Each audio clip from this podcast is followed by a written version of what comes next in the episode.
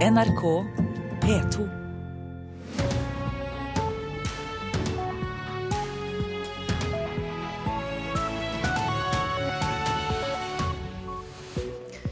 Du hører på P2 og Alltid nyheter. Vi fortsetter med bl.a. disse sakene.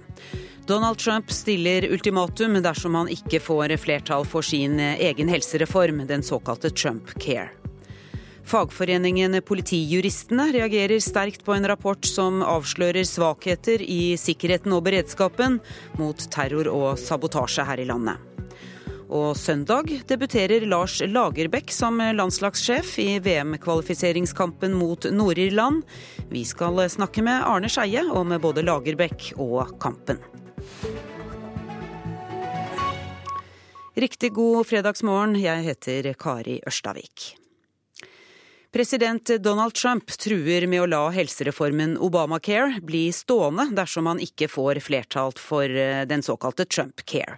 I natt skulle Representantenes hus egentlig stemme over den første delen av eh, Trumps endringer i helsereformen til Obama, men Trump klarte ikke å sikre seg flertall i egne rekker for eh, det omstridte forslaget. Og USA-korrespondent Gro Holm, Trump stiller altså ultimatum nå. Hvor vanlig er det? Ja, Det er svært uvanlig at en president gjør det overfor sine folkevalgte. og Dette er jo en reform som republikanerne i Kongressen har snakket om i sju år, helt siden Obamacare ble vedtatt for nøyaktig sju år siden.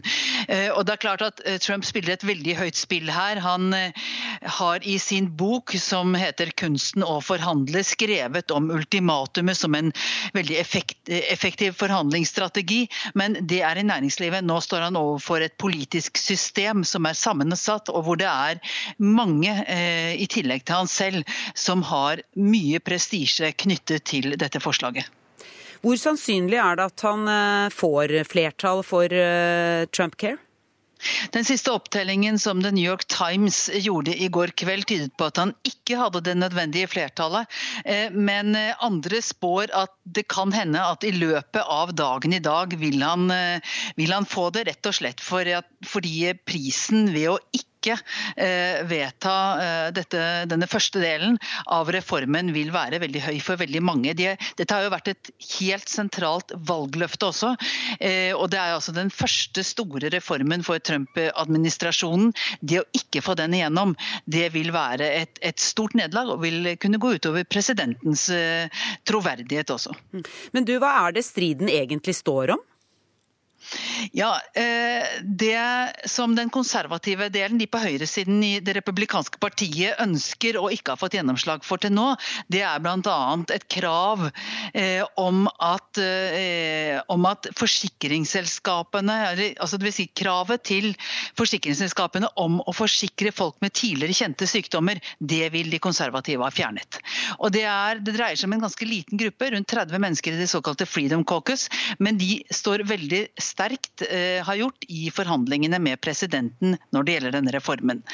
De vil også eh, ha eh, omfattende kutt i et helseprogram for fattige amerikanere i Medicaid umiddelbart. De vil at dette skal tre i kraft umiddelbart. Og så er det venstresiden som, som heller ikke har fått igjennom alle sine krav. De er en såkalt tirsdagsgruppen. Men det skal ikke være venstresiden som er bøygen akkurat nå. Det er altså de som befinner seg i det såkalte Freedom Caucus. Og kort til slutt, Gro Holm, hva er det som skjer videre nå?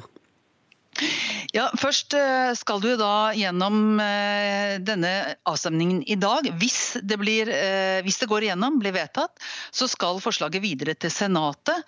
Og Der er det egentlig ventet at det vil bli enda vanskeligere. For der har ikke republikanerne nok stemmer til å hindre såkalt filibuster, eller endeløse debatter, som i realiteten også kan stanse reformen. Så der er det ventet at forslaget, hvis det går igjennom i dag, vil bli videre endret for å få få med seg da de nødvendige demokratene som skal til for å hindre at det blir stanset.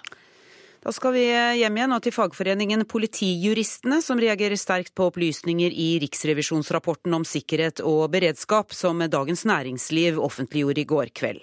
Der går det fram at arbeidet med sikring av viktige bygninger og infrastruktur ikke er prioritert. Sverre Bromander, leder i Politijuristene, han er bekymret over det han leser i avisa. Min umiddelbare kommentar, med alle forbehold om at dette er fragmentert, så er det jo at det er urovekkende, eh, det som fremstilles her av Dagens Næringsliv. Eh, det er det jo. Bromander vil ikke peke på enkeltpunkt i rapporten, men han er skremt over det generelle inntrykket han sitter igjen med, at korkje politi eller Forsvaret ifølge avisa er i stand til å verne viktige mål i Norge mot terror. Men like alvorlig mener han det er at det ikke blir en åpen debatt, og at folk ikke får innsyn i det som står i rapporten. Ja, Åpenheten er vel det viktigste. dette her. Eh, det at vi har åpenhet i en offentlige forvaltning, og at vi da får en åpen debatt om hva, hvilke prioriteringer som gjøres. Både hvilke politiske prioriteringer som gjøres, og hvilke prioriteringer som gjøres internt i det offentligheten. Forsvarsminister Ine Eriksen Søreide ville ikke gå inn i detaljene da hun deltok i debatten på NRK1 i går kveld. Jeg kommer jo ikke til å gå inn i detaljene rundt det, rett og slett fordi at det er gradert informasjon. Det viktigste for meg er at Stortinget har fått all informasjon, Riksrevisjonen har fått all informasjon, det har de hatt siden oktober, og offentligheten har fått et ugradert sammendrag som forteller noe om kritikken. Og det er jo en kritikk regjeringa tar veldig alvorlig. Men lederen for Politijuristene mener det er viktig at folk flest også forstår hva det betyr å ha god beredskap, og han er glad for at Dagens Næringsliv åpner opp. Med det utgangspunktet, i hvert fall, det prinsipielle utgangspunktet, at det er viktig med åpen debatt, så syns jeg det er veldig greit at det kommer ut, og at borgerne blir kjent med dette. her, Og også da blir kjent med at diskusjonen rundt beredskap dreier seg om noen litt tyngre oppgaver, og som er meget ressurskrevende. Reporter var Bjørn Atle Gillestad. Så tar vi en kikk på dagens aviser. I Vårt Land skriver Rådet for legeetikk at de frykter at behandlere skader norske barn. 40 000 barn får hvert år alternativ medisin. Noen av behandlingsformene er smertefulle og i verste fall skadelige, advarer rådet. Trygve Slagsvold Vedum kjemper mot sentralisering, kan vi lese i Aftenposten. Og slik gikk det da partiet var i regjering. Færre gårder, færre små skoler og flere folk i de største byene. VG slår opp at nesten 1400 skoler er lagt ned her i landet, og Senterpartiet innrømmer å ha vært med på det. Rikingene slipper unna eiendomsskatt, skriver Dagbladet. Rød-grønt Oslo-byråd gir luksusboliger skattefritak. Og som vi akkurat hørte, på forsiden i Dagens Næringsliv står det om en rapport som regjeringen har forsøkt å hemmeligholde. Den avslører at det er svakheter i sikkerheten og beredskapen mot terror, spionasje, sabotasje og væpnet angrep. Muslimer reiser fra Norge fordi de føler seg utrygge her, skriver Klassekampen. Senterpartileder Anne Beate Kristiansen Tvinnereim fronter nasjonen i dag. Hun frykter ukontrollert arbeidsinnvandring til Norge etter brexit, og etterspør verktøy mot arbeidsinnvandring. Senterpartiet preger forsiden i Dagsavisen også i dag. Her handler det om at nestlederne er uenige i flere saker, bl.a. når det gjelder krav om returavtaler for bistand, støtte til trossamfunn og heldekkende hodeplagg. På avisa Dagens forside kan vi lese stadig flere skilsmisser og hard konflikt om samlivsetikken. Nei, vi snakker ikke om Norge i 2017, men om forholdene på Jesu tid. Adresseavisen skriver om et pilotprosjekt på Kyrksæterøra som kan bli framtidens asylmodell. Statoil holdt en hendelse skjult, står det på Stavanger Aftenblads forside i dag. Petroleumstilsynet fikk beskjed først etter to år, da fra en anonym varsler. Og til slutt, eh, Nordlys skriver om Beate som vant 7,4 millioner i Lotto, og hun deler pengene ut til Isberget, fanklubben til Tromsø IL.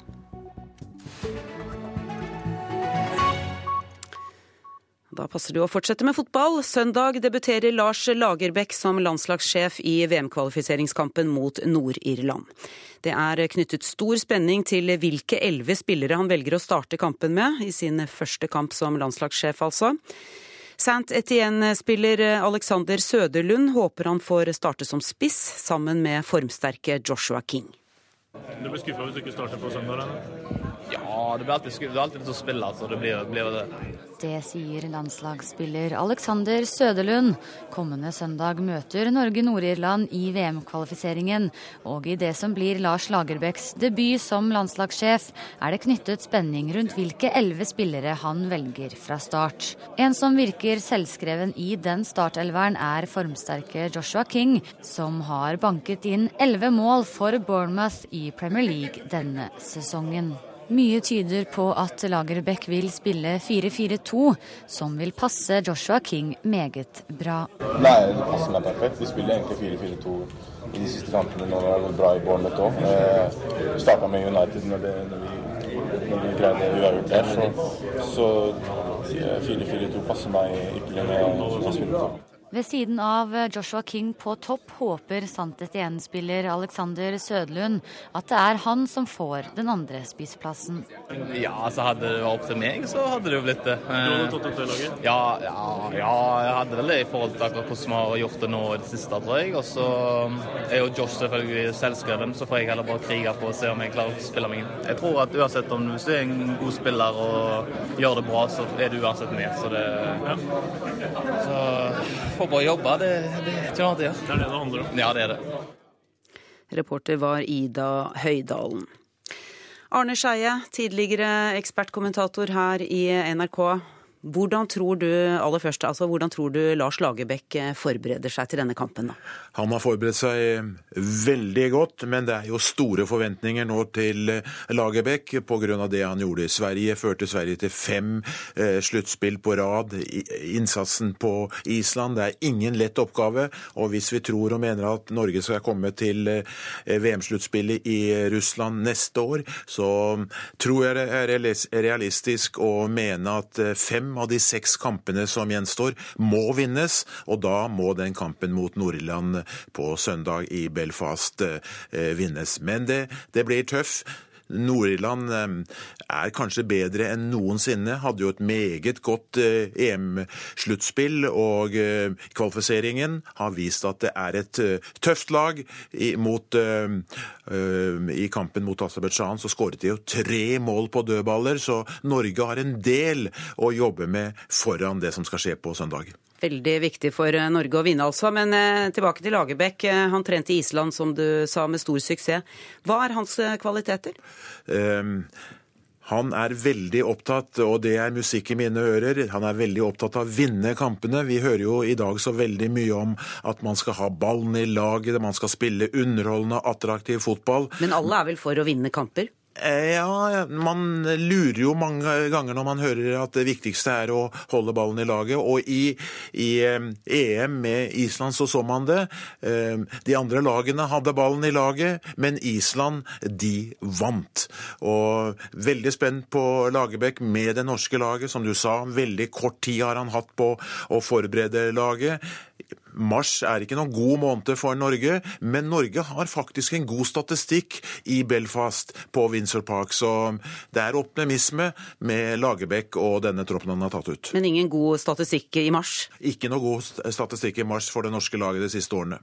Du, Hvordan skiller Lagerbäck seg fra den forrige treneren, Per-Mathias Høgmo? Ja, Det går jo veldig mye som vi har vært inne på, på uh, måten å spille på. Uh, Lagerbäck mye mer direkte, uh, sannsynligvis lange baller opp mot de to vi hørte om, King og Søderlund, som sannsynligvis spiller ved siden av King.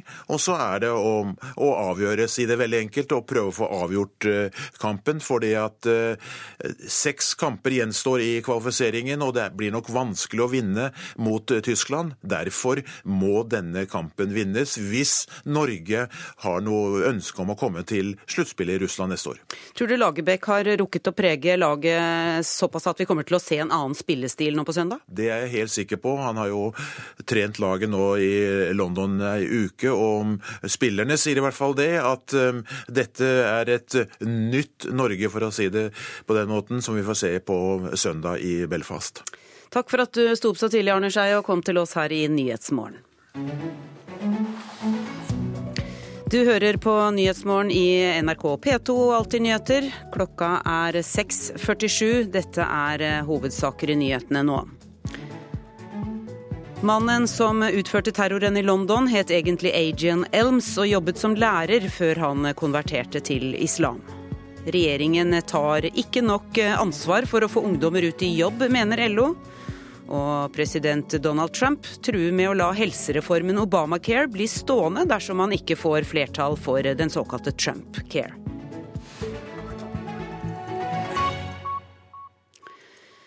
Landsgruppa for helsesøstre er kritiske til alternative behandlingsmetoder for barn i Norge.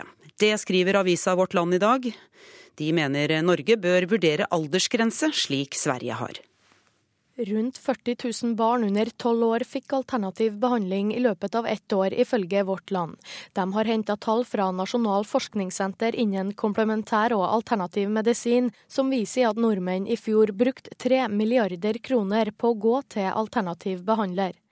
Såkalt kopping, som går ut på å sette vakuumkopper på huden, urtemedisin og akupunktur mot kolikk er noen av behandlingsformene som tilbys barn. Landsgruppen av helsesøstre og Norsk barnelegeforening etterlyser en aldersgrense, og mener vi bør se til Sverige.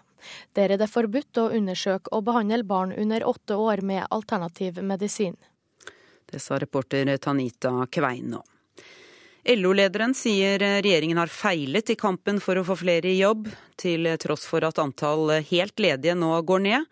En større andel står utenfor arbeidsmarkedet enn før. Å skape flere jobber krever mer samarbeid og flere milliarder, sier Gerd Kristiansen. Og der må vi samhandle, der må vi ha et trepartssamarbeid for å finne ut hvordan skal vi gjøre dette. Har man ikke det? Vi har jo ikke noe samarbeid rundt dette med tiltak og hvordan få ungdommene ut i arbeidslivet. Det, det har vi overhodet ikke. I regjeringen er Høyres Anniken Hauglie overbevist om at hennes politikk virker.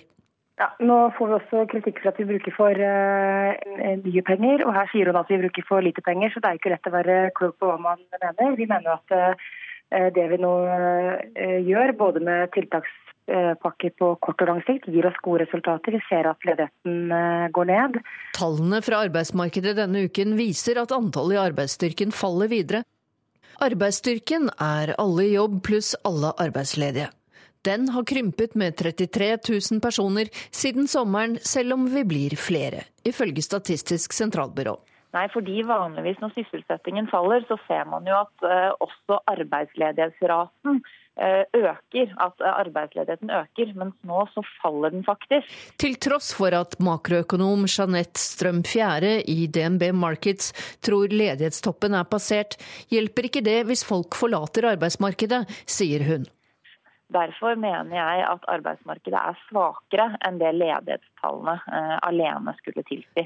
Den situasjonen må utløse mer kraftfulle tiltak fra regjeringen for å få flere jobber til ledige hender, sier LO-sjef Geid Kristiansen. Ikke minst er det viktig å inkludere ungdommene, sier hun. De vil ikke. De har jo valgt å bruke pengene til helt andre ting.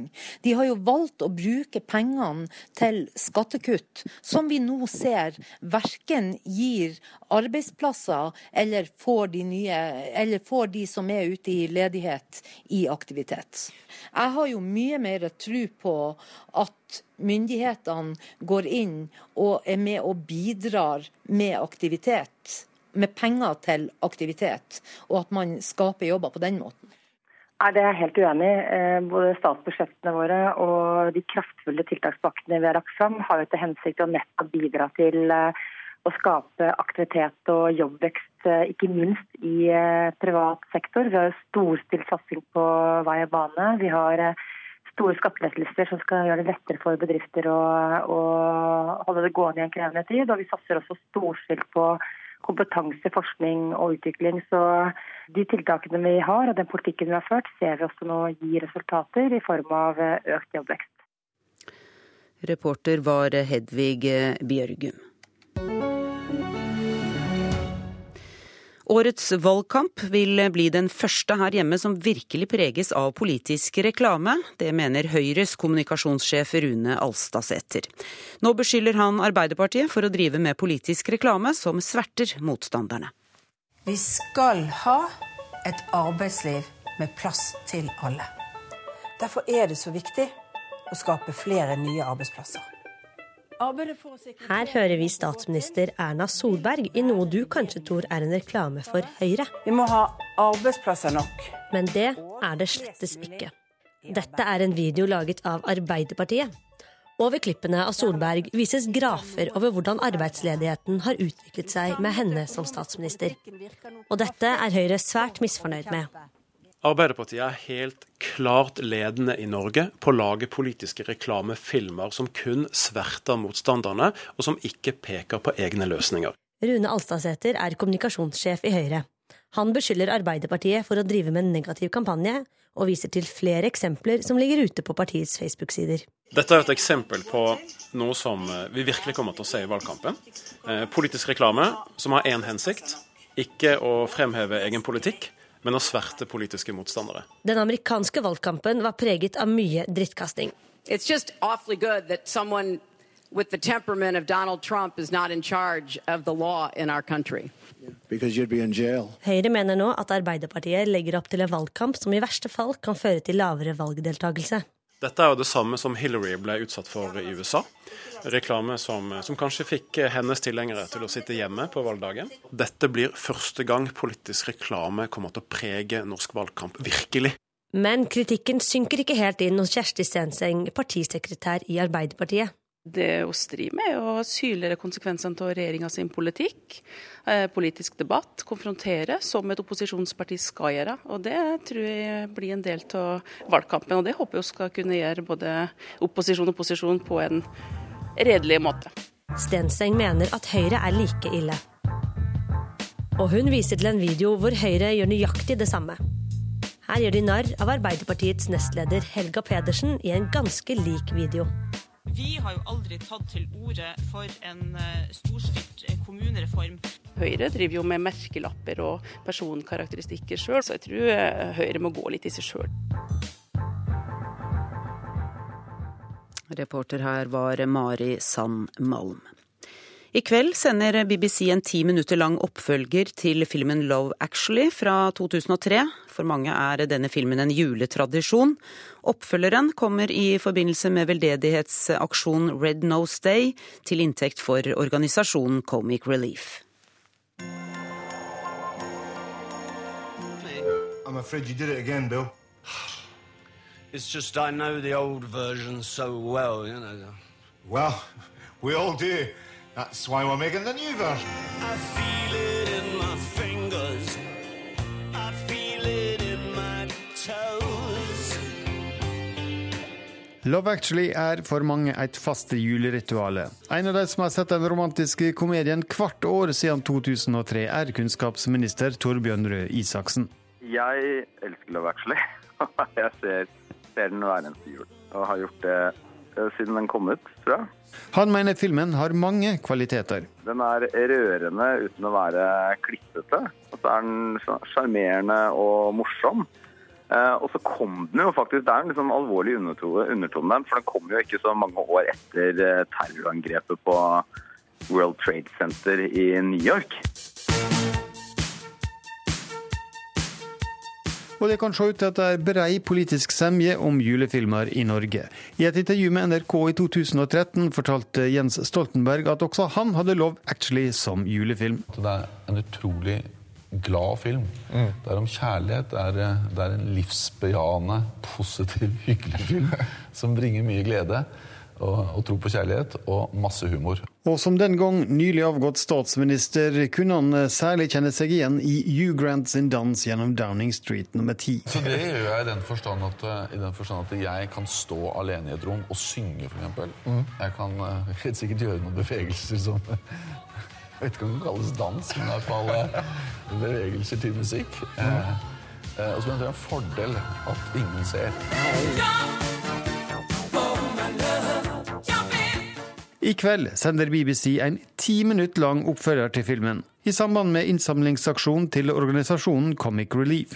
Hugh Grant er med, og til BBC sier han at regissør Richard Curtis har prøvd å få til dette lenge. This nightmare with Richard happens every bloody year. Some years I can fob him off with money. Just, I'm not doing that. Here's a check. Men selv om vi nå får vite hvordan det har gått med de fleste som var med i filmen, så håper kunnskapsministeren at det blir med dette ene gjensynet. Hvis jeg skal være helt ærlig, så, så, så er det nesten så jeg håper på at man egentlig ikke skal lage noe mer. For det er ofte finere å kunne forestille seg hvordan det går, eller bare la det være en, en fin film. Reporter var Espen Alnes. Så har vi kommet til eh, været for i dag. Spitsbergen, der er det ventet for det meste opphold og vind fra nord. Fra om ettermiddagen litt snø sør for Isfjorden. I Finnmark blir det snøbyger og nordvestlig kuling i natt, men fra i morgen tidlig, eller fra nå i morges blir det gradvis minkende vind og bygeaktivitet. Utover dagen i dag en del sol i Vest-Finnmark og på vidda. I Troms stort sett opphold og noe sol. Relativt lite vind først på dagen, men i ettermiddag øker vinden til sørlig liten kuling utsatte steder. I Nordland blir det enkelte sluddbyger først på dagen i dag. Utover dagen blir det nedbør, stigende temperatur, og vinden øker til sørlig stiv kuling utsatte steder. Trøndelag og Møre og Romsdal nedbør, stigende temperatur og sterk vind. I formiddag øker vinden til sørvestlig sterk kuling. Kan hende kortvarig liten storm på kysten av Møre og Romsdal. Utover ettermiddagen litt minkende vind og overgang til bygevær. På Vestlandet sør for Stad blir det etter hvert regn og vindøkning fra sørvest. Nord for Sognefjorden kommer vinden opp i stiv eh, til sterk kuling. Den sterkeste vinden minker eh, i ettermiddag og dreier etter hvert eh, mot vest. Nedbøren kommer som snø over 300-600 meter. Og østafjells stort sett opphold først på dagen. Fra i ettermiddag litt regn i Vest-Agder og på Østlandet. Nedbør som sludd eller snø i høyden. Fjell i Sør-Norge. Her ventes snø og økende vind i dag. Kombinasjonen av sterk vind og snø kan gi vanskelige kjøreforhold på fjellovergangene. Vi kan ta med noen få temperaturer. Svalbard minus ti grader. Brønnøysund null. Kristiansand minus tre. Røros minus åtte grader.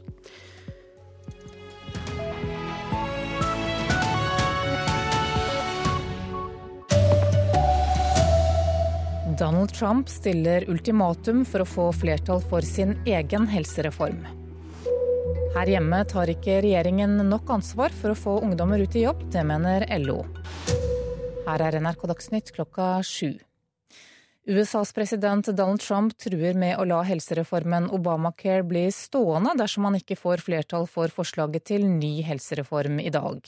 I natt skulle Representantenes hus egentlig stemme over den første delen av Trumps endringer i helsereformen til Barack Obama, men han klarte ikke å sikre seg flertall for det omstridte forslaget. Det er uvanlig at en president stiller ultimatum, det sier USA-korrespondent Gro Holm. Ja, Det er svært uvanlig at en president gjør det overfor sine folkevalgte. og Dette er jo en reform som republikanerne i Kongressen har snakket om i sju år. Helt siden Obamacare ble vedtatt for nøyaktig sju år siden. Eh, og det er klart at eh, Trump spiller et veldig høyt spill her. Han eh, har i sin bok som heter 'Kunsten å forhandle' skrevet om ultimatumet som en veldig effektiv forhandlingsstrategi, men det er i næringslivet nå står han overfor et politisk system som er sammensatt, og hvor det er mange, eh, i tillegg til han selv, som har mye prestisje knyttet til dette forslaget. Mannen som utførte terroren i London på onsdag, het tidligere Adrian Elms og hadde jobbet som lærer. Han er straffedømt for flere lovbrudd, skriver avisen Daily Mail. Elms skal ha skiftet navn da han konverterte til islam, ifølge Birmingham Mail. Fem mennesker er nå bekreftet døde etter angrepet, mens flere andre er kritisk såret. Og det blir mer om dette i Nyhetsmorgen nå rett etter nyhetsoversikten. Regjeringen har feilet i arbeidet med å få flere i jobb, det mener LO. Til tross for at det er færre nå som er helt arbeidsløse, så står en større andel utenfor arbeidsmarkedet enn tidligere. Verst er det med de 70 000 ungdommene som verken er i jobb eller utdanning. Det sier LO-leder Gerd Kristiansen, og hun mener regjeringen mangler vilje til å hjelpe dem. De vil ikke. De har jo valgt å bruke pengene til helt andre ting. De har jo valgt å bruke pengene til skattekutt, som vi nå ser verken gir arbeidsplasser eller får de som er ute i ledighet, i aktivitet. Men eh, arbeidsministeren er helt uenig med LO-lederen i hvilke tiltak som skaper jobber. Vind og snøfokk skaper problemer på flere fjelloverganger i Sør-Norge nå, og vinden er ventet å øke utover dagen. Overgangen Hol-Aurland og Hemsedalsfjellet er helt stengt, og det er kolonnekjøring over Hardangervidda og Vikafjellet, opplyser Veitrafikksentralen. NRK Dagsnytt, Anne Jetlund Hansen. Nyhetsmorgen fortsetter i P2 og Alltid nyheter med disse sakene. Mannen som utførte terroren i London, het egentlig Ajan Elms og jobbet som lærer før han konverterte til islam. Regjeringen har forsøkt å hemmeligholde en rapport som avslører at det er svakheter i sikkerheten og beredskapen mot terror, spionasje, sabotasje og væpnet angrep, ifølge Dagens Næringsliv. Og selvtilliten vokser for Senterpartiet, som ligger an til å bli dobbelt så stort som forrige gang partiet vurderte å gå i regjering med de rød-grønne. Og EU feirer 60 år denne helga, men blir det 60 nye, spør vi.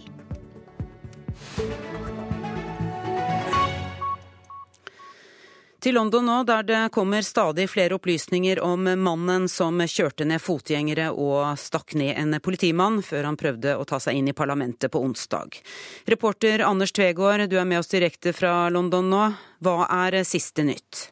Det er 52-åringen Khalid Massoud. Han var ifølge britisk politi dømt for en rekke kriminelle forhold tidligere, bl.a. ulovlig våpenbesittelse og vold, men ikke noe som er terrorrelatert. En av avisene her, Daily Mail, skriver at han jobbet som lærer. BBC utdyper og, og sier at det var noe han fortalte leiebilselskapet. En talsmann for utdanningsmyndighetene her sier til nyhetsbyrået AFP at Massoud ikke var kvalifisert til å være lærer, og ikke underviste i noen offentlige skoler. Det meldes også at han var gift og trebarnsfar og, og brukte forskjellige navn. Født som Adrian Elms og så konverterte til islam. Um, nå altså kjent under navnet Khalid Massoud. Han var ikke en del av noen etterforskning nå, og det fantes ikke noen etterretning som viste at han ville utføre noe angrep, sa politiet her i går kveld. Um, politiet har også pågrepet åtte personer fire menn og tre kvinner mellom 21 og 58 år som er mistenkt for å planlegge eller forberede terrorhandlinger, men det er uklart om, om de er pågrepet for mulig tilknytning til gjerningsmannen her i London.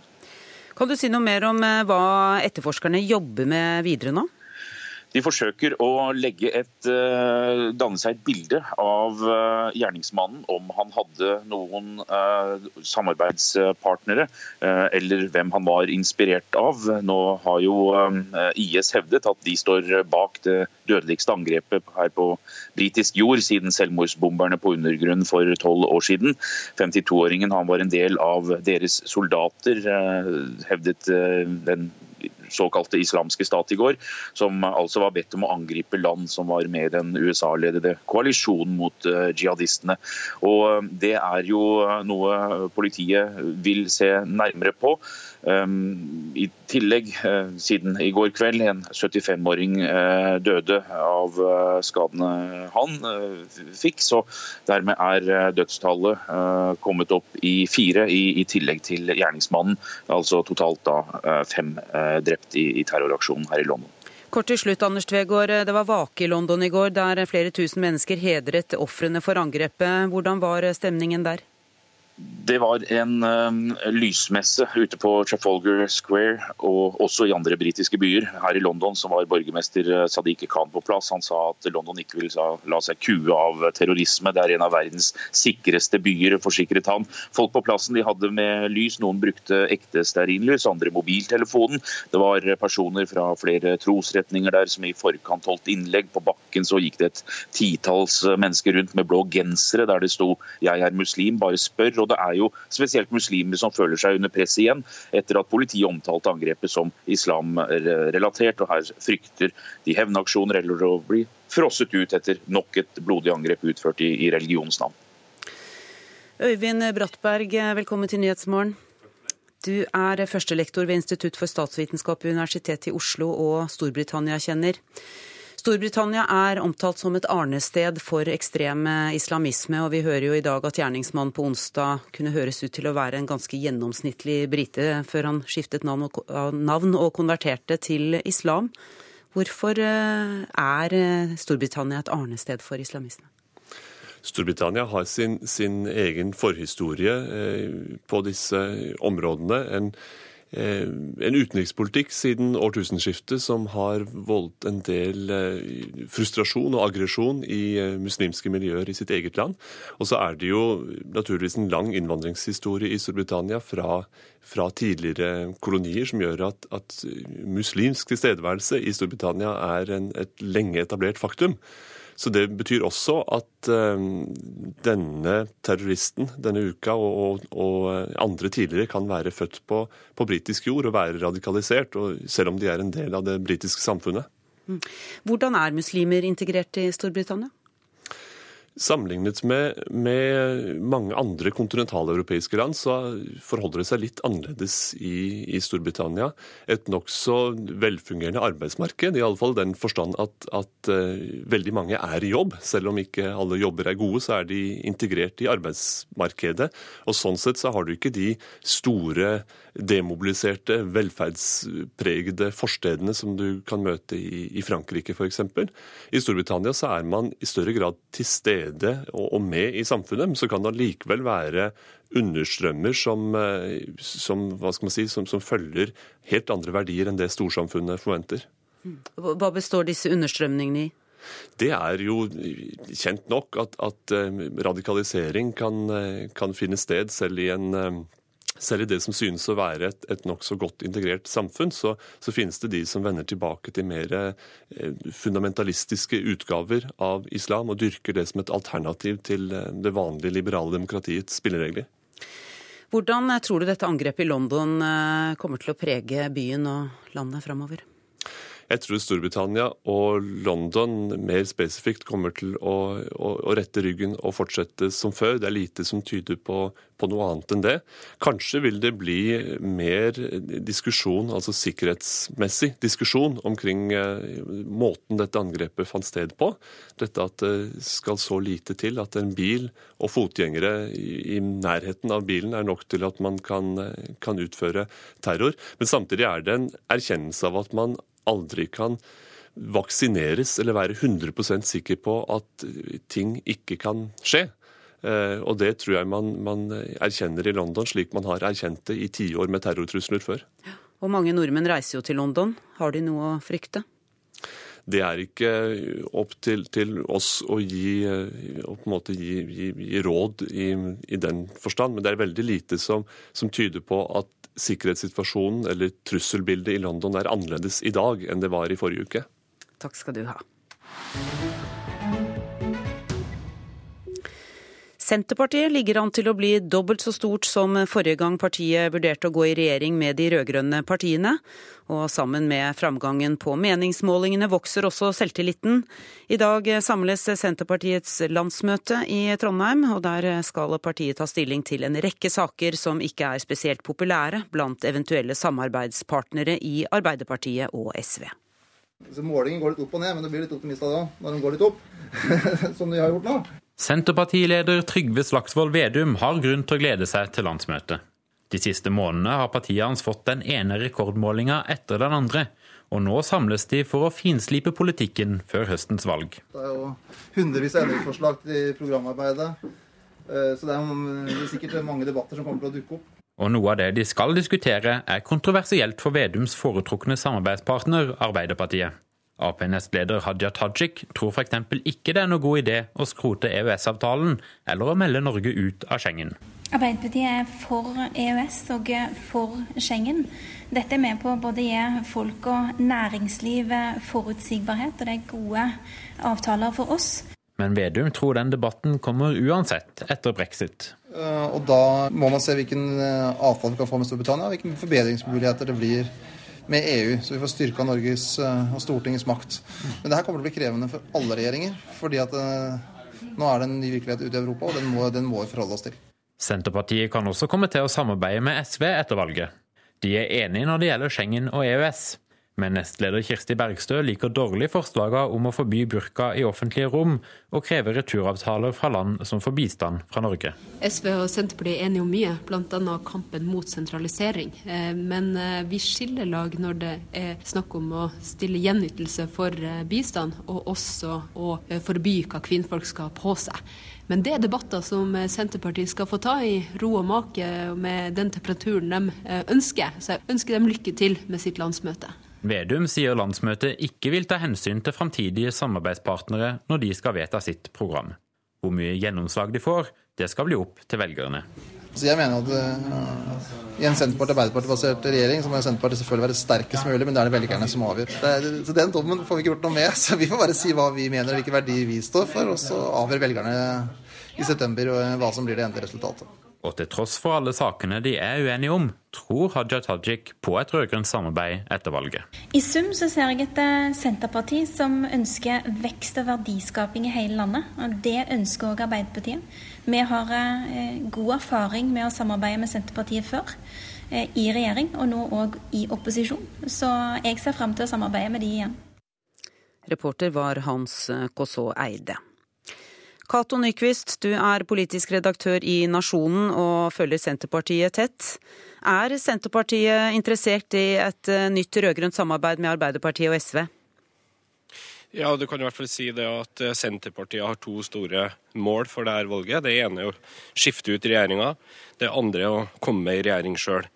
Eh, hva slags kulør den regjeringa eh, skal få, det gjenstår å se. Men de fleste jeg har snakka med her eh, før landsmøtet, de tror det er mest sannsynlig at det er Arbeiderpartiet og Senterpartiet som, som går sammen i regjering, med, med da støtte fra SV og eventuelt andre partier i sentrum. Ja, for Hvor stor er egentlig lysten på å samarbeide med SV igjen for Senterpartiet, tror du? Det er ikke noe tvil om at det er stor avstand mellom Senterpartiet og SV i, i saker som, som, begge partiene anser som viktige. Også eh, hvordan man bruker norsk natur, bl.a. Eh, SV er langt mer tilbøyelig til å verne natur, mens eh, Senterpartiet ønsker å ta den i bruk. Så jeg tror nok at de fleste senterpartister er, er godt komfortable med å å sitte i regjering med, med, bare Arbeiderpartiet, hvis det blir resultatet. Hvordan vurderer Senterpartiet å samarbeide med Kristelig Folkeparti, da? Ja, I en sånn situasjon så, så vil det være naturlig at, at en Arbeiderparti- og Senterparti-regjering søker støtte begge veier. Eh, og det er, I en lang rekke saker så er jo Kristelig Folkeparti nærmere Senterpartiet enn det SV er. Og så har det kommet forslag om å gå ut av EU, EØS. Og hvorfor kommer det forslaget? Ja, Det er jo noe Senterpartiet har ment eh, lenge, at man skal reforhandle EØS-avtalen. Eh, du kan si at den saken har større aktualitet enn på lenge, nå som Storbritannia er på tur ut av EU. Eh, og Arbeiderpartiet er også lagt under et betydelig press innenfra store deler av LO er, er skeptisk til, til, EØS. Og, og, man kan også få eh, vedtak på LO-kongressen i, i, mai som, som, går i samme retning, at man ønsker å, å se på EØS-avtalen og, og reforhandle den. Så, eh, men i EØS-spørsmålet så tviler jeg på at Senterpartiet vil sette noe ultimatum, men samtidig vil de neppe heller være villige til å frede den hvis de skal gå i regjering med Arbeiderpartiet. Vi hører at eh, SV ikke ønsker forbud mot burka. Hvor viktig er den saken for Senterpartiet? Ja, Det er ikke en, en, veldig viktig sak. Det er vel en av de sakene som kan skape litt temperatur her på landsmøtet. Eh, det er, eh, vil være krefter her som vil kjempe veldig hardt imot et sånt forbud. Men samtidig så er det en type sak som som, eh, som neppe vil eh, være utslagsgivende for, eh, for potensielle Senterparti-velgere. Det er ikke en sak som, som mobiliserer eller demobiliserer de velgerne. Til slutt, Nyquist, hvordan bør Senterpartiet forvalte de gode målingene? Ja, det eh, Sist valg, under kommunevalget, så gikk jo Senterpartiet litt under radaren. Da var det jo Miljøpartiet Det Grønne som var i, fokus, og, Senterpartiet gjorde et, å si, et, et godt valg uten at noen var, var, var, så veldig opptatt av dem. Denne gangen så vil de eh, ikke gå under radaren. Alle er, er, er klar over at de er i, i frammarsj, og, og, de vil settes under angrep fra eh, langt flere politiske motstandere. Så, men hvordan, hvordan, man skal forvalte den høye oppslutninga, det, det, er vel ikke jeg rette mann til å, å si. Men, men, det vil vel alltid være fornuftig å stå på sin egen politikk og, og prøve å markedsføre den. Takk skal du ha, politisk redaktør i Nasjonen, Cato Nyquist. Du hører på Nyhetsmorgen, klokka er 7.17. Dette er eh, hovedsakene nå. Donald Trump stiller ultimatum for å få flertall for sin egen helsereform. Regjeringen her hjemme tar ikke nok ansvar for å få ungdom ut i jobb, mener LO. Og følg oss videre. Politiet i Innlandet får tilført rekordmange nye stillinger, men kampen om jobbene, den blir hard. Denne helga er det 60 år siden EU så dagens lys. I morgen feires Romatraktaten under EUs toppmøte i Roma, og det blir markeringer her hjemme også. Samtidig med 60-årsfeiringen opplever EU sin aller største krise noensinne. Britene har bestemt seg for å forlate unionen, og politikere i flere EU-land propaganderer for det samme. Men først, hva er Romatraktaten? Urix forklarer. Romatraktaten er forløperen til dagens EU. Den gang var det seks nasjoner. Benelux-landene Belgia, Nederland, Luxembourg, Italia og viktigst Vest-Tyskland og Frankrike. Storbritannia var mest opptatt med avviklingen av sitt imperie, og medlemskap av det europeiske økonomiske fellesskapet kom først på dagsorden på 1970-tallet. I dag er tallet på medlemmer 28. Et land er på vei ut. Det er Storbritannia. Og det EU som i morgen feirer seg selv, er et EU som skal forsøke å jobbe seg ut av en krise. Regjeringssjefene i de 27 landene som blir igjen, skal samles i de samme lokalene hvor Romatraktaten ble underskrevet 25.3.1957. Orazzi- og Corazzi-salene på Kapitolhøyden, den høyeste av Romas syv høyder. Romatraktaten avtalefestet de fire friheter. Fri flyt av personer, varer, tjenester og kapital. Det var særlig fri flyt av personer som fikk britene til å velge å ta sitt land ut av unionen i folkeavstemningen i juni i fjor. I valget i Nederland for litt over en uke siden vant sittende statsminister Mark Rutte og hans konservative parti over den ytre høyrepolitikeren Gjert Wilders og hans Frihetsparti. Rutte mener hans valgseier kun er den første av flere nødvendige seire for å sikre unionens fremtid.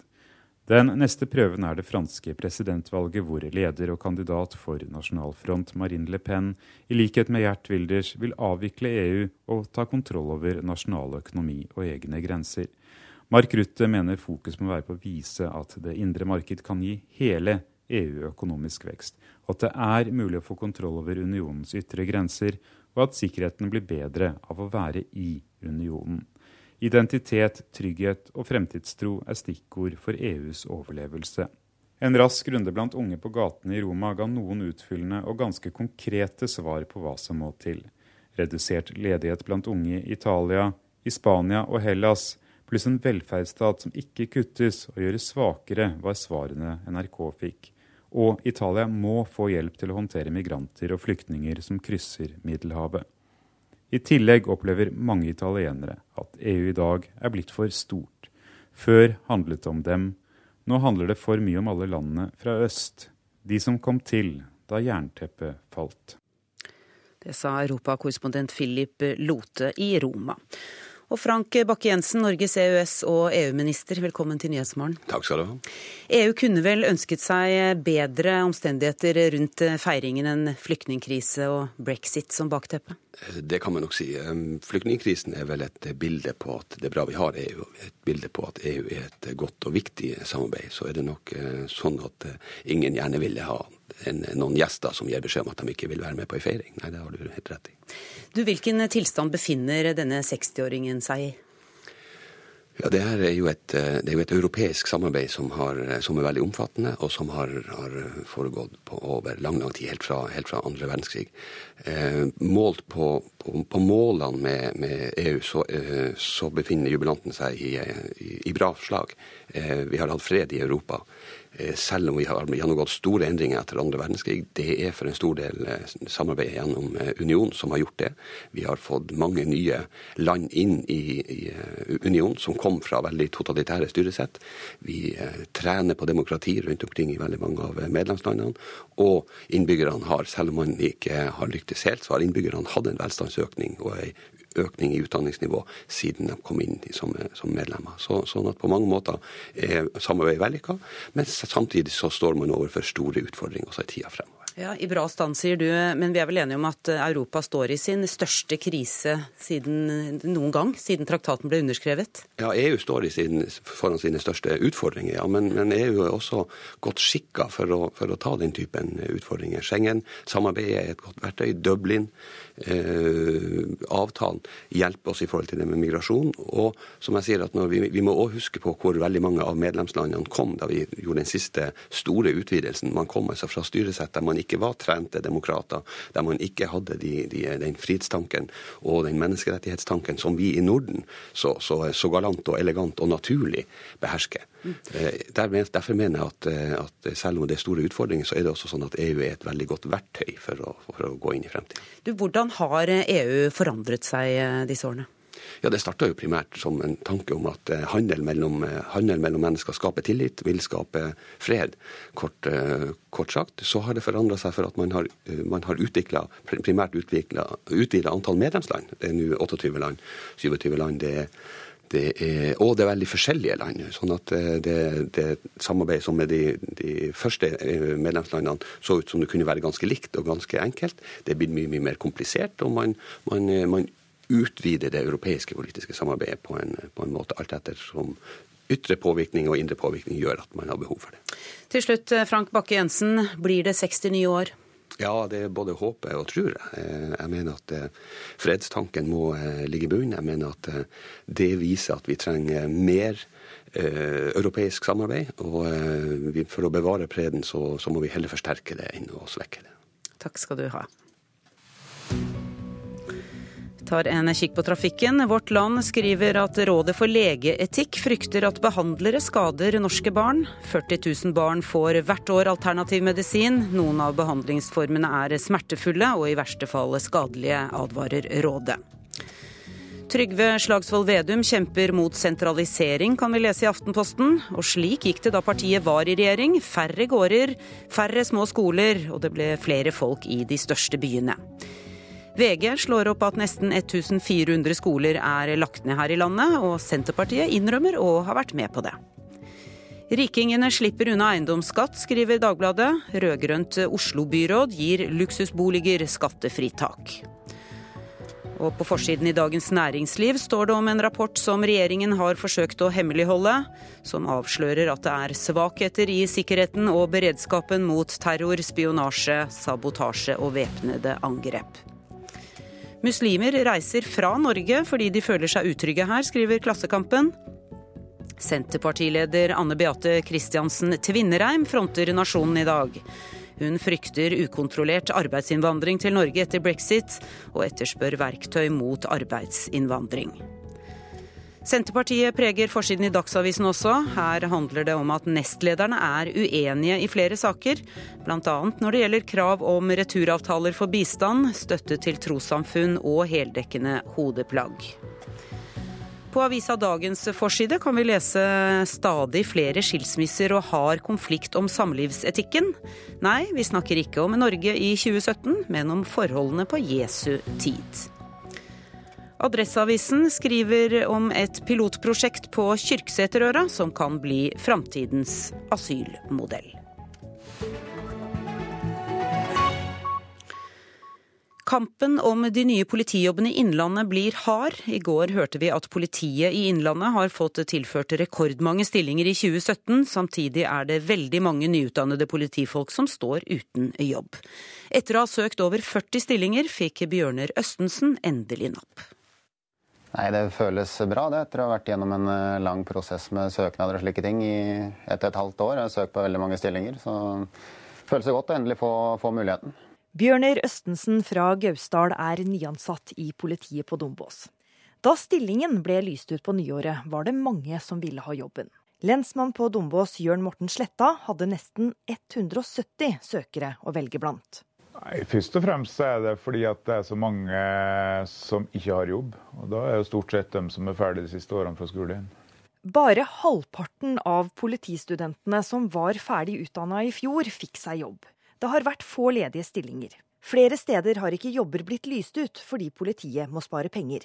Men det skal det gjøres noe med, lover justisminister Per-Willy Amundsen. Dette sa han til radioprogrammet Her og nå i februar. Alle de som gikk ut av Politihøgskolen i 2016 skal få jobb. De skal det før 1.6.2017. Og det er altså en forpliktende plan som, som alle politidistrikt skal følge.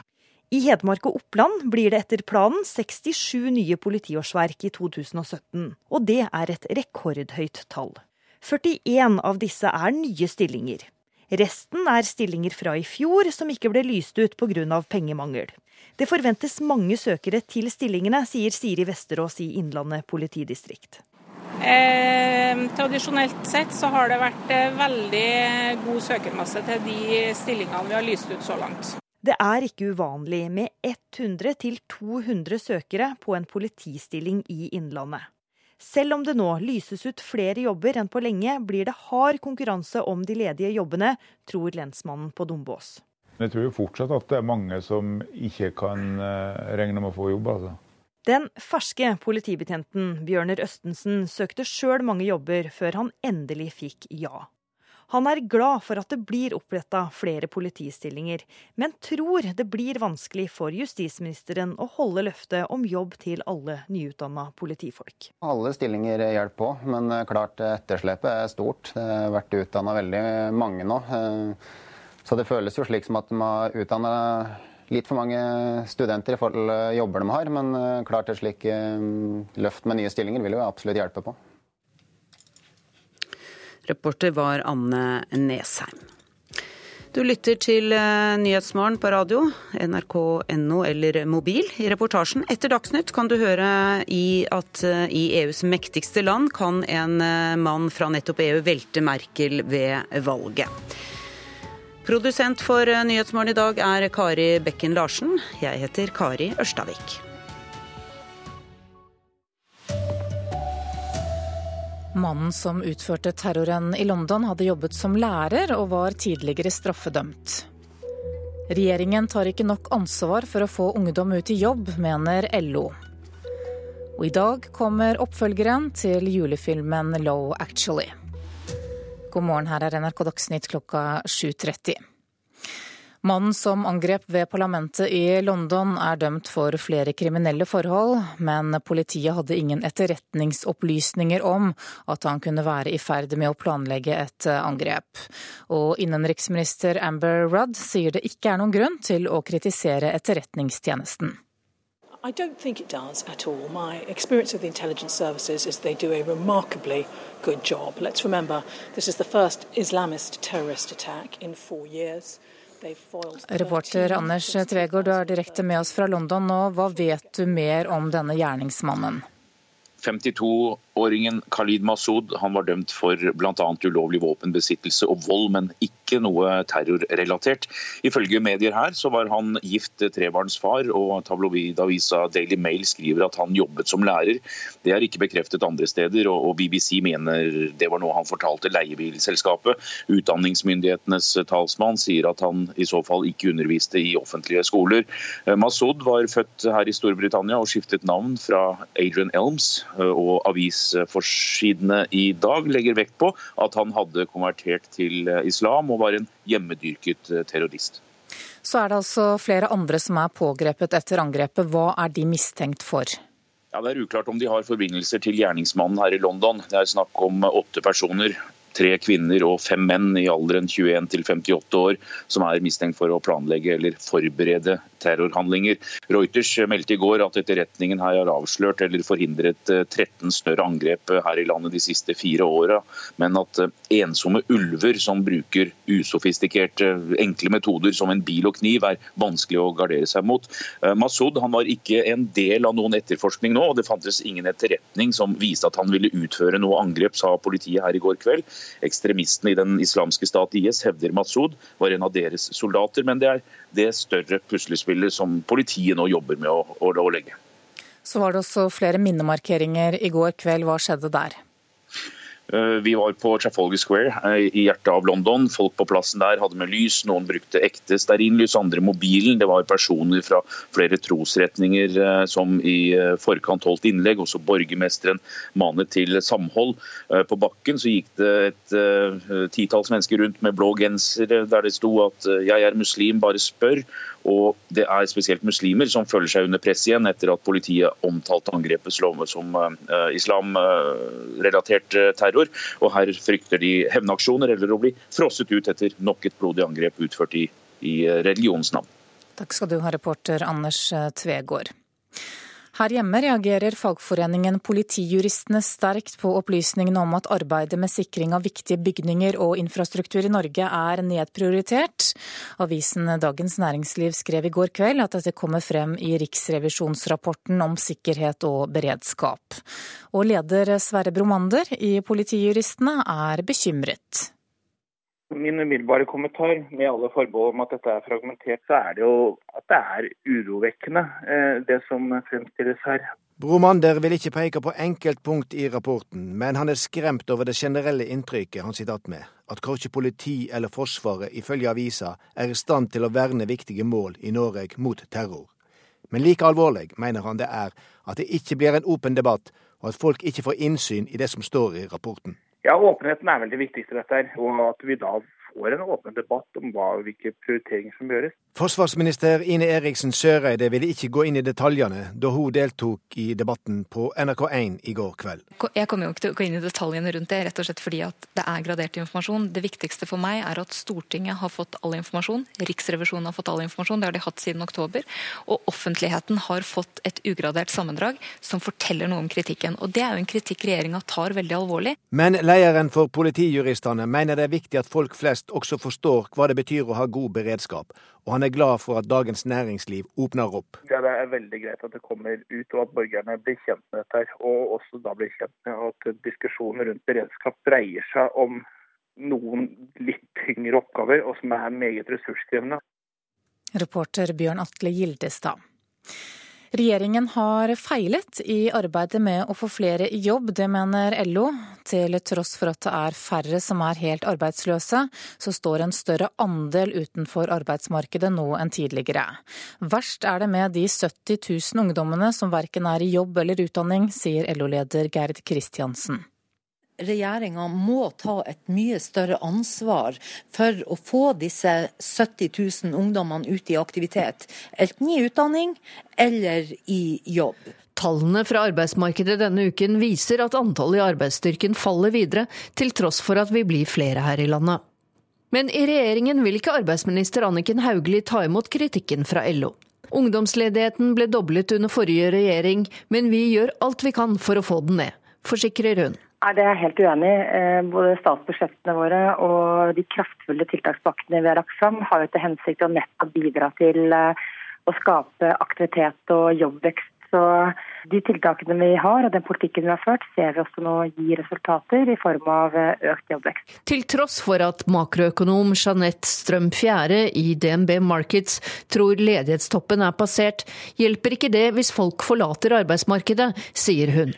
Derfor mener jeg at arbeidsmarkedet er svakere enn det ledighetstallene eh, alene skulle tilsi. Det...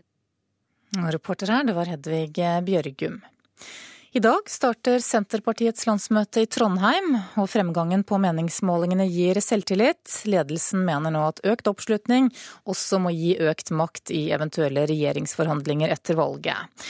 Men det er foreløpig ikke noe som tyder på at Arbeiderpartiet vil komme Senterpartiet i møte når det gjelder kravet om å si opp EØS-avtalen. Det sier nestleder Hadia Tajik. Arbeiderpartiet er for EØS og for Schengen. Dette er med på å både gi folk og næringsliv forutsigbarhet, og det er gode avtaler for oss.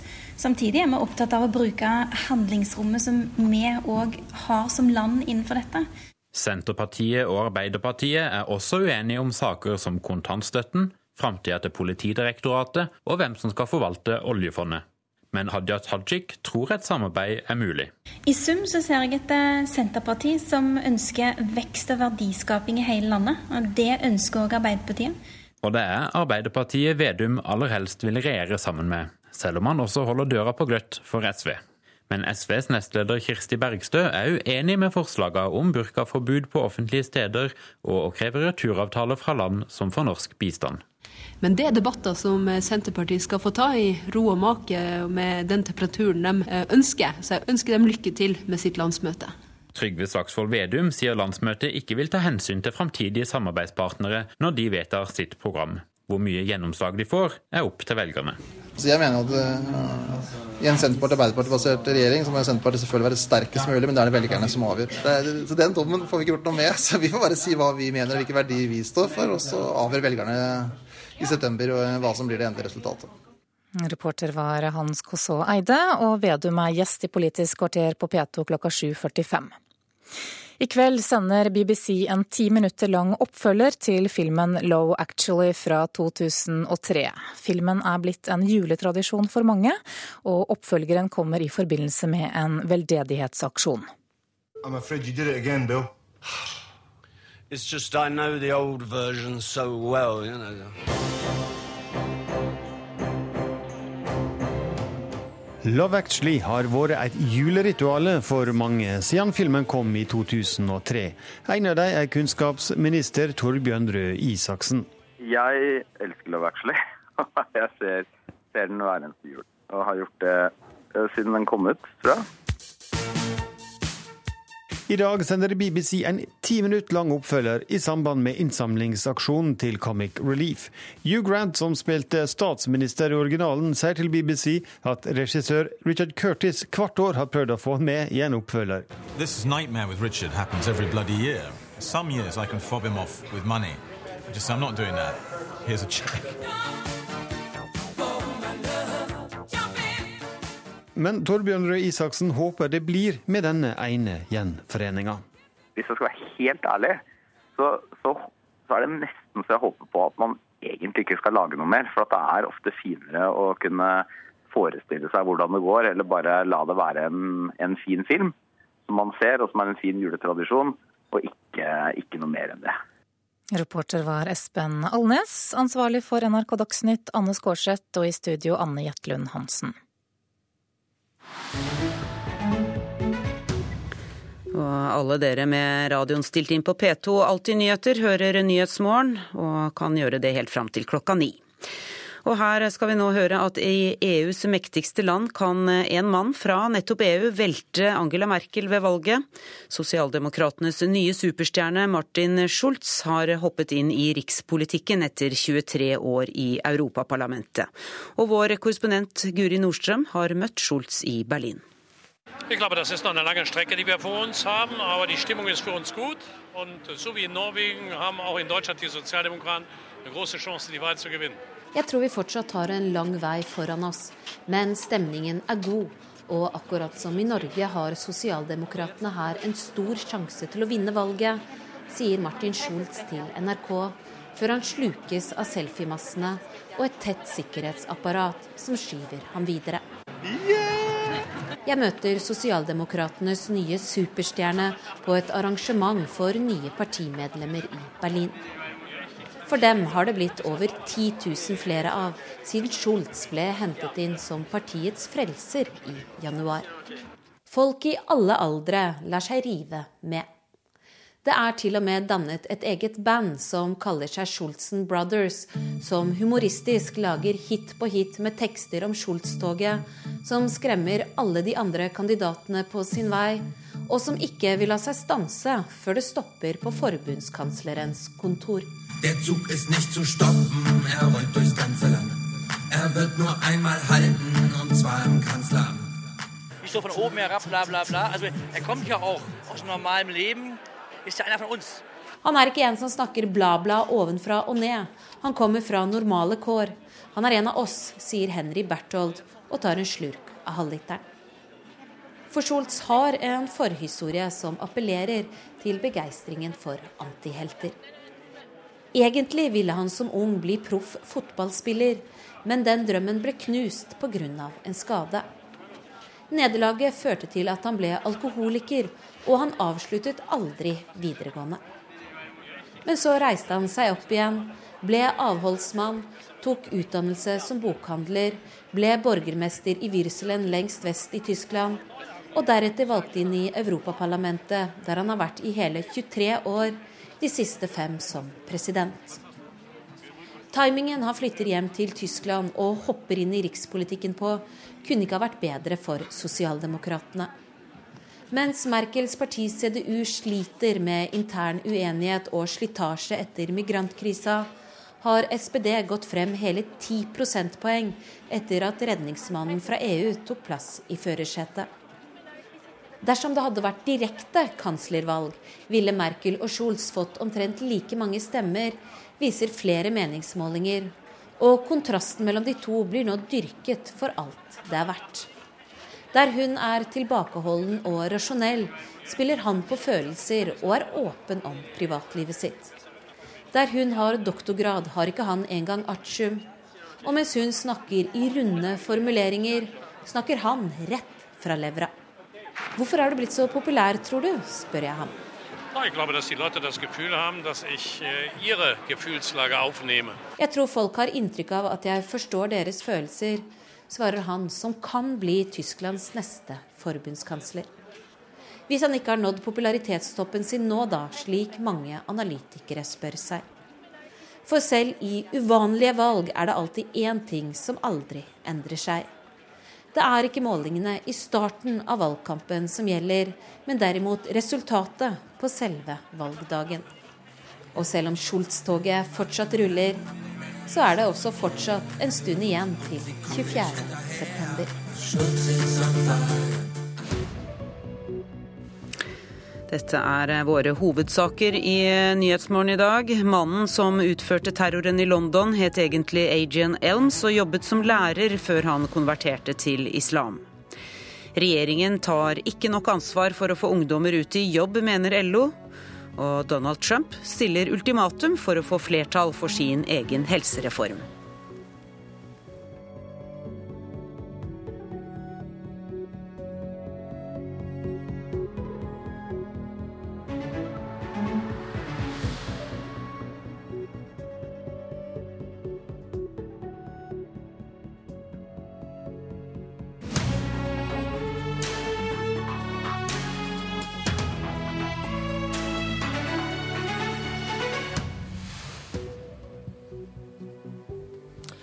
Det er grått og trist, det er lavt skydekke og snødriv, men været i Trondheim, det ljuger.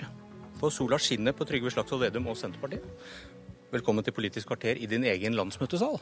Tusen hjertelig takk. Det er hyggelig å være her sammen med deg, så det her blir en god start på dagen. Du er en politisk superstjerne. Du snakker på vegne av det norske folk. Eller gjør du det? Altså, vi... Du, du har 10 av velgerne i ryggen, men du snakker som om du har 90 Altså, jeg må jo si hva jeg tror på, hva jeg mener er rett. Og jeg, og jeg tror på at du skal ha tjenester nært folk, at du skal ha en politikk der de ser hele Norge, for vi tror på hele Norge. Og så er det jo folk som avgjør eh, i valget til høsten hva resultatet blir. Men vi må jo bare være tydelige på hva vi ønsker. Og vi tror på et land med mindre forskjeller, og der vi tar hele landet i bruk. Du har sagt ting som Velgerne har ikke sans for at det sitter noen på kontoret i Oslo og tror de vet bedre enn den som bor i distriktene. Vi vil ha levende bygder og byer og det ser ut som folk er enige. Den norske befolkningen vil ikke ha den massive sentraliseringen. Og med 10% i ryggen, føler du at du snakker på vegne av det norske folk? Så jeg har reist eh, rundt i hele Norge og møtt folk som er opprørt over den sentraliseringa som nå skjer.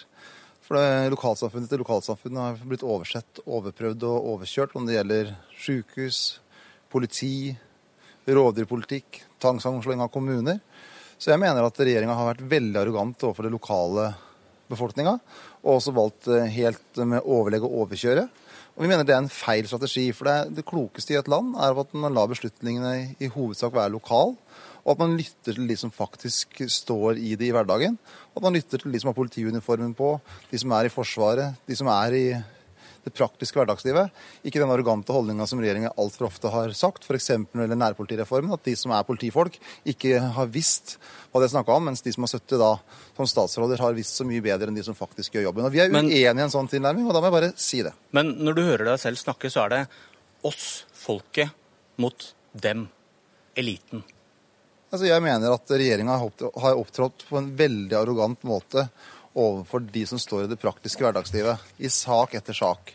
Og er du statsråd, eh, har du mye makt, så skal du være mer ydmyk. Og Det har vært et problem, ikke minst når det gjelder politireformen. Jeg tror Noe av grunnen for at det har blitt så mye motsatt, motstand, er nettopp den arrogansen. Men nå, nå, nå setter ikke... du på repeat igjen. Det er oss, folket, mot dem, eliten. Du har 10% av velgerne i ryggen. Ja, men vi er veldig fornøyd med at vi får mer Ja, det støtte. Ja, det, det er klart vi er. Og vi, vi, også, vi får medlemsvekst, og vi merker at vi får flere og flere støttespillere rundt i hele landet, nettopp fordi at regjeringa har oversett så mange lokalhensyn. Er dere populister? Fikk din nestleder Ola Borten Moe spørsmål om i Klassekampen denne uka. Nei, det er jo ikke sånn at Senterpartiet har byttet standpunkter for å tekkes en stemningsbølge, svarte han. Eh, En av de mest betente sakene i norsk politikk denne stortingsperioden om bensin- og dieselavgiftene skulle økes, endte med en enighet på borgerlig side, opp 15 og 35 øre. Til voldsomme protester fra deg. Distriktsfiendtlig. Folk på bygda har ikke noe alternativ til bilen. Men hva sto i Senterpartiets alternative statsbudsjett?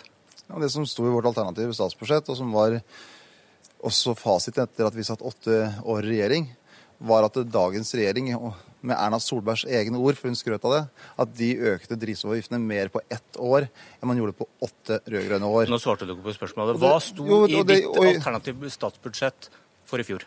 Ja, da sto det jo en sånn avgiftsveksling, og så var det et nullsumspill. Det var ingen provenyøkning. Men hva, hva, sto det om bensin- og dieselavgiften? Det sto tre ting. Det ene sto at vi skulle gi helt avgiftsfritak for den delen som var innblanding, altså den Bio. biodiesel, Ja.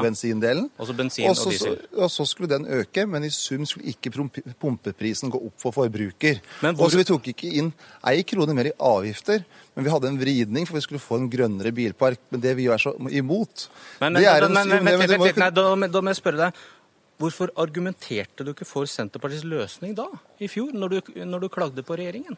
Men vi hadde ikke noe avgiftsøkning som ville merka når du stod og fylte drivstoff. Poenget vårt er at vi skal ha miljøpolitikk som har effekt, ikke miljøpolitikk som bare straffer folk som ikke har noe alternativ til privatbilen. Og Det var det som var problemet med den avgiftspolitikken som regjeringa gjorde i fjor. At det var, når du legger på momsen over 50 øre okay. i, i drivstoffprisøkning, og så skulle man da, hvis man ikke brukte bil, skulle man få litt billigere. Men mange i Norge har ikke noe alternativ til å bruke bil. Og da må vi ha en politikk tilpassa at Norge er mer enn Oslo sentrum. Nå, nå, nå, og da ja, hadde vi den politikken vi hadde. Nå gjør du noe jeg ikke hørte du gjorde i fjor høst. Du forsvarer deres opplegg og snakker om en veksling. Og da blir spørsmålet hvorfor endret dere denne politikken da? For det alternative budsjettet dere har for i år? Altså det som vi var opptatt av, det er å ha gode løsninger som skaper reelle nedganger i klimautslipp. Så fikk vi mange tilbakemeldinger på at den avgiftsfritaket var en mindre effektivt tiltak enn å ha et høyere omsetningskrav. Dere Og derfor, ja, derfor så justerte politikken. Men Dere er snudde, da, dere snudde da det ble upopulært? Nei, men det, lagt, nei, det som har ligget fast hele tida, det er det totale avgiftsnivået. Så det er jo ingen enkeltpersoner som ville merka forskjellen, men det var hvordan vi skal ha en mest mulig effektiv politikk. Du sier, jo selv, dere, du, du sier jo selv at dere snudde da det ble upopulært. Dere fikk protester. Og så lagde dere en annen politikk som dere ikke snakket om i fjor, da dere klagde på regjeringen. Ja, men Det som er det viktige for oss, det er at det skal være stabilitet for forbrukeren. Det har ikke vært noen endringer fra det ene året til det andre. Vi har jobba sammen med næringa for å se hvordan kan vi føre en avgiftspolitikk. En politikk når det gjelder omsetningskrav som gjør at det er mulig å få til en grønnere bilpark. Så fikk vi en del tilbakemeldinger på at det var unødvendig det grepet vi gjorde med avgiftsfritak på bio. At det var lurere å øke omsetningskrav. Og da lytta vi på det. Men for forbrukeren, for deg og meg, var det ingen forskjell. Og det er klokt å lytte når du får gode tilbakemeldinger fra næringa, og det gjorde vi. Vi, spurte, vi startet med spørsmål om dere var populister. Om man da, så sa Ola Borten Moe nei, vi endrer ikke politikk når det, blir, når det blåser, når det blir upopulært. Nei, men Det blåste ikke ut den saken i det hele tatt. Og det gjorde ikke det, nei? nei? det gjorde ikke det, for Poenget er at vi er opptatt av å ha en kunnskapsorientert politikk. Men så er vi opptatt av stabilitet, og så er vi opptatt av en politikk som er tilpassa hele landet. Og det har vår avgiftspolitikk vært. Ok. Vi snakket om oss, folket, og dem, eliten. Du, du feiret brexit, at Storbritannia melder seg ut av EU. Håper du Frankrike gjør det samme? Det er det franske folk som skal avgjøre. For Senterpartiet, hva- hva, hva altså, jeg, altså, jeg mener at det er en uting at norske politikere skal blande seg inn i andre lands valgkamp. De skal få lov til å ha sine debatter, ta sine standpunkt. Det norske folk sa nei til EU i 1994 fordi vi ønska at det var det Stortinget vi kunne stille til ansvar i valg.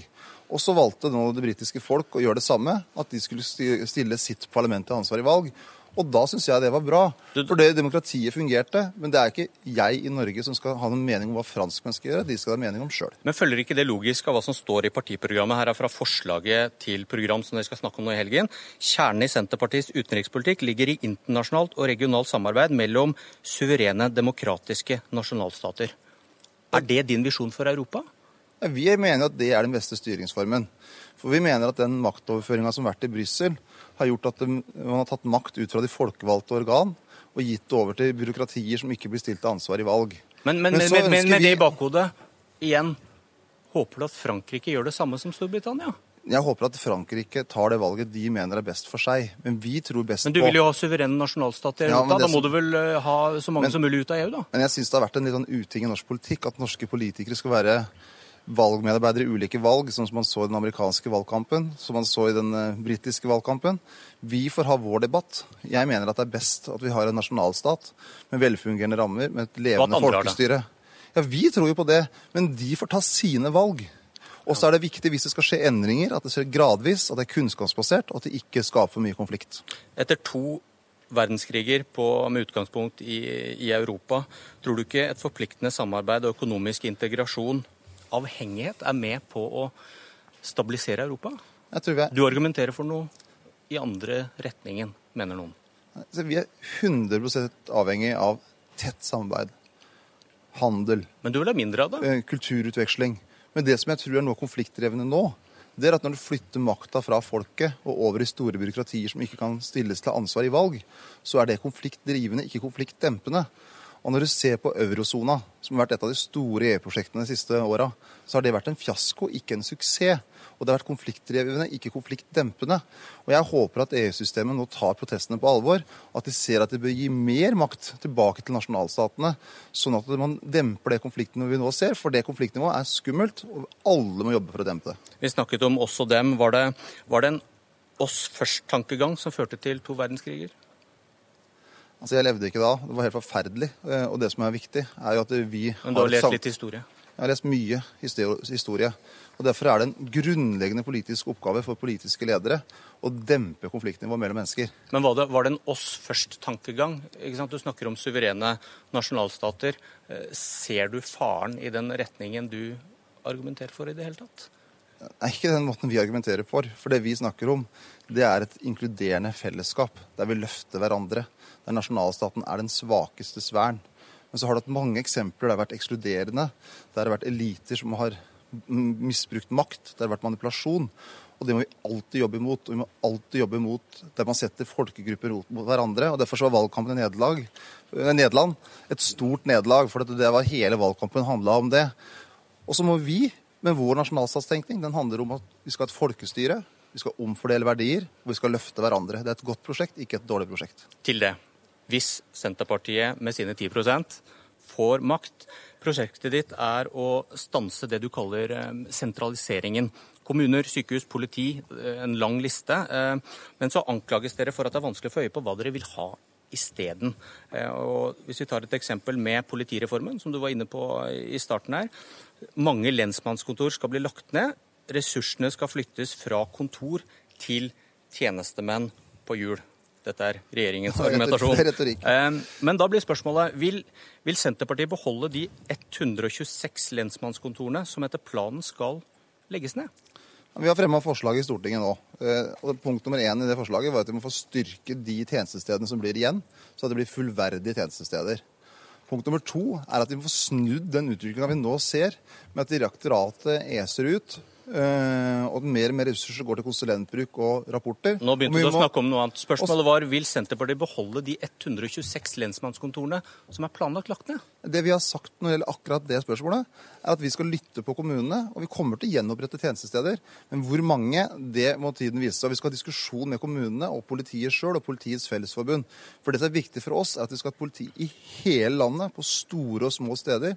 At vi skal ha en tilstedeværende beredskap som kan takle de ulike utfordringene som ulike lokalsamfunn står overfor. Ok, Du vil høre på kommunene. Skal de ha en vetorett? Eller hva hvis politiet sier at det lensmannskontoret der, det har vi ikke behov for? Hvem skal bestemme da? Da må vi se på helheten, og det er noe av problemet med hele den politireformen nå. Nå er det f.eks. en diskusjon om at man skal legge ned passtjenestene i Kongsberg og flytte det til Drammen. Men du kan, ikke garantere da en kommune som sier at vi vil beholde lensmannskontoret. Vi har et kommunestyrevedtak på det. Men du sier da at jeg kan ikke garantere dere å få beholde det, for vi må se på de politifaglige vurderingene i Altså, vi, nå Altså Nå er det gjort noen grep. og så må vi, Når vi kommer og eventuelt får makt, så er hele vårt mål å styrke lokalpolitiet. Og vi kommer til å gjenopprette tjenestesteder. Men akkurat hvor mange, det kan jeg ikke si nå. Det det er ikke, det er ikke seriøst. Okay. Men så mener jeg det som er problemet i politidebatten og mange andre debatter, at man glemmer å se på helheten. F.eks. det passkontoret som ikke du fikk lov til å fullføre i stad. Så, så er det veldig uklokt at alle de som før kunne få et pass i Kongsberg, nå skal kjøre til Drammen. Det kan godt hende at det er mulig sånn rent politimessig å skrive ut enda flere pass på maskiner i Drammen, men er det samfunnsmessig lurt? Og Det er det vi må hele tiden må tenke på i politikken. Hvordan skape en best mulig helhet, mest mulig godt samfunn, og at tjenesten er nært der man bor. For det er dyrt for den enkelte når tjenestene blir lenger og lenger borte, til og med en by som i Kongsberg. Og så nevnte du det politifaglige, at dere ville legge vekt på det. Eh, politianalysen, eh, der heter det at dagens tjenestestruktur er et reelt hinder for politiets mulighet til å drive effektiv forebygging, sikre lov og orden og tilby gode polititjenester lokalt. Ja, Det er ulike syn på det òg. Og vi har veldig tro på nærhet, forebygging, at det er viktig med lokal kunnskap. Og vi er også opptatt av den helhetlige samfunnsutviklinga. At man skal ha et bredde av tjenestetilbud mange steder i Norge som gjør at man får gode levende lokalsamfunn. Og så når man skal da eh, komme inn i regjeringskontorene, så må man jo diskutere med de man eventuelt skal inn der sammen med. Eh, Og hvordan skal vi nå sikre at vi bygger opp den lokale beredskapen, ikke bygger ned. Og det er det som skjer nå. Vi får se. Om en, eh, om en drøy time så skal du holde din landsmøtetale og snakke om at du har det norske folk i ryggen. Ja, Det blir hyggelig. Ja, det, altså, vi har stadig flere i ryggen, og vi har stadig flere medlemmer. og Dette er det største landsmøtet i partiets historie. Så det er jo eller ordinære landsmøte i partiets historie. Så det her blir en veldig god dag for partiet. Hva skal du si?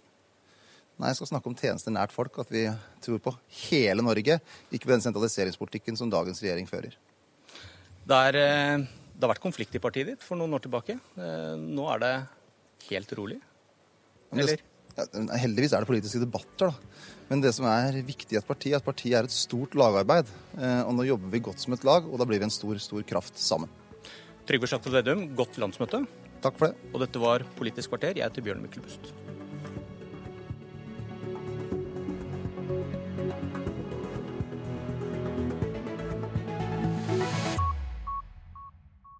Hør flere podkaster på nrk.no podkast.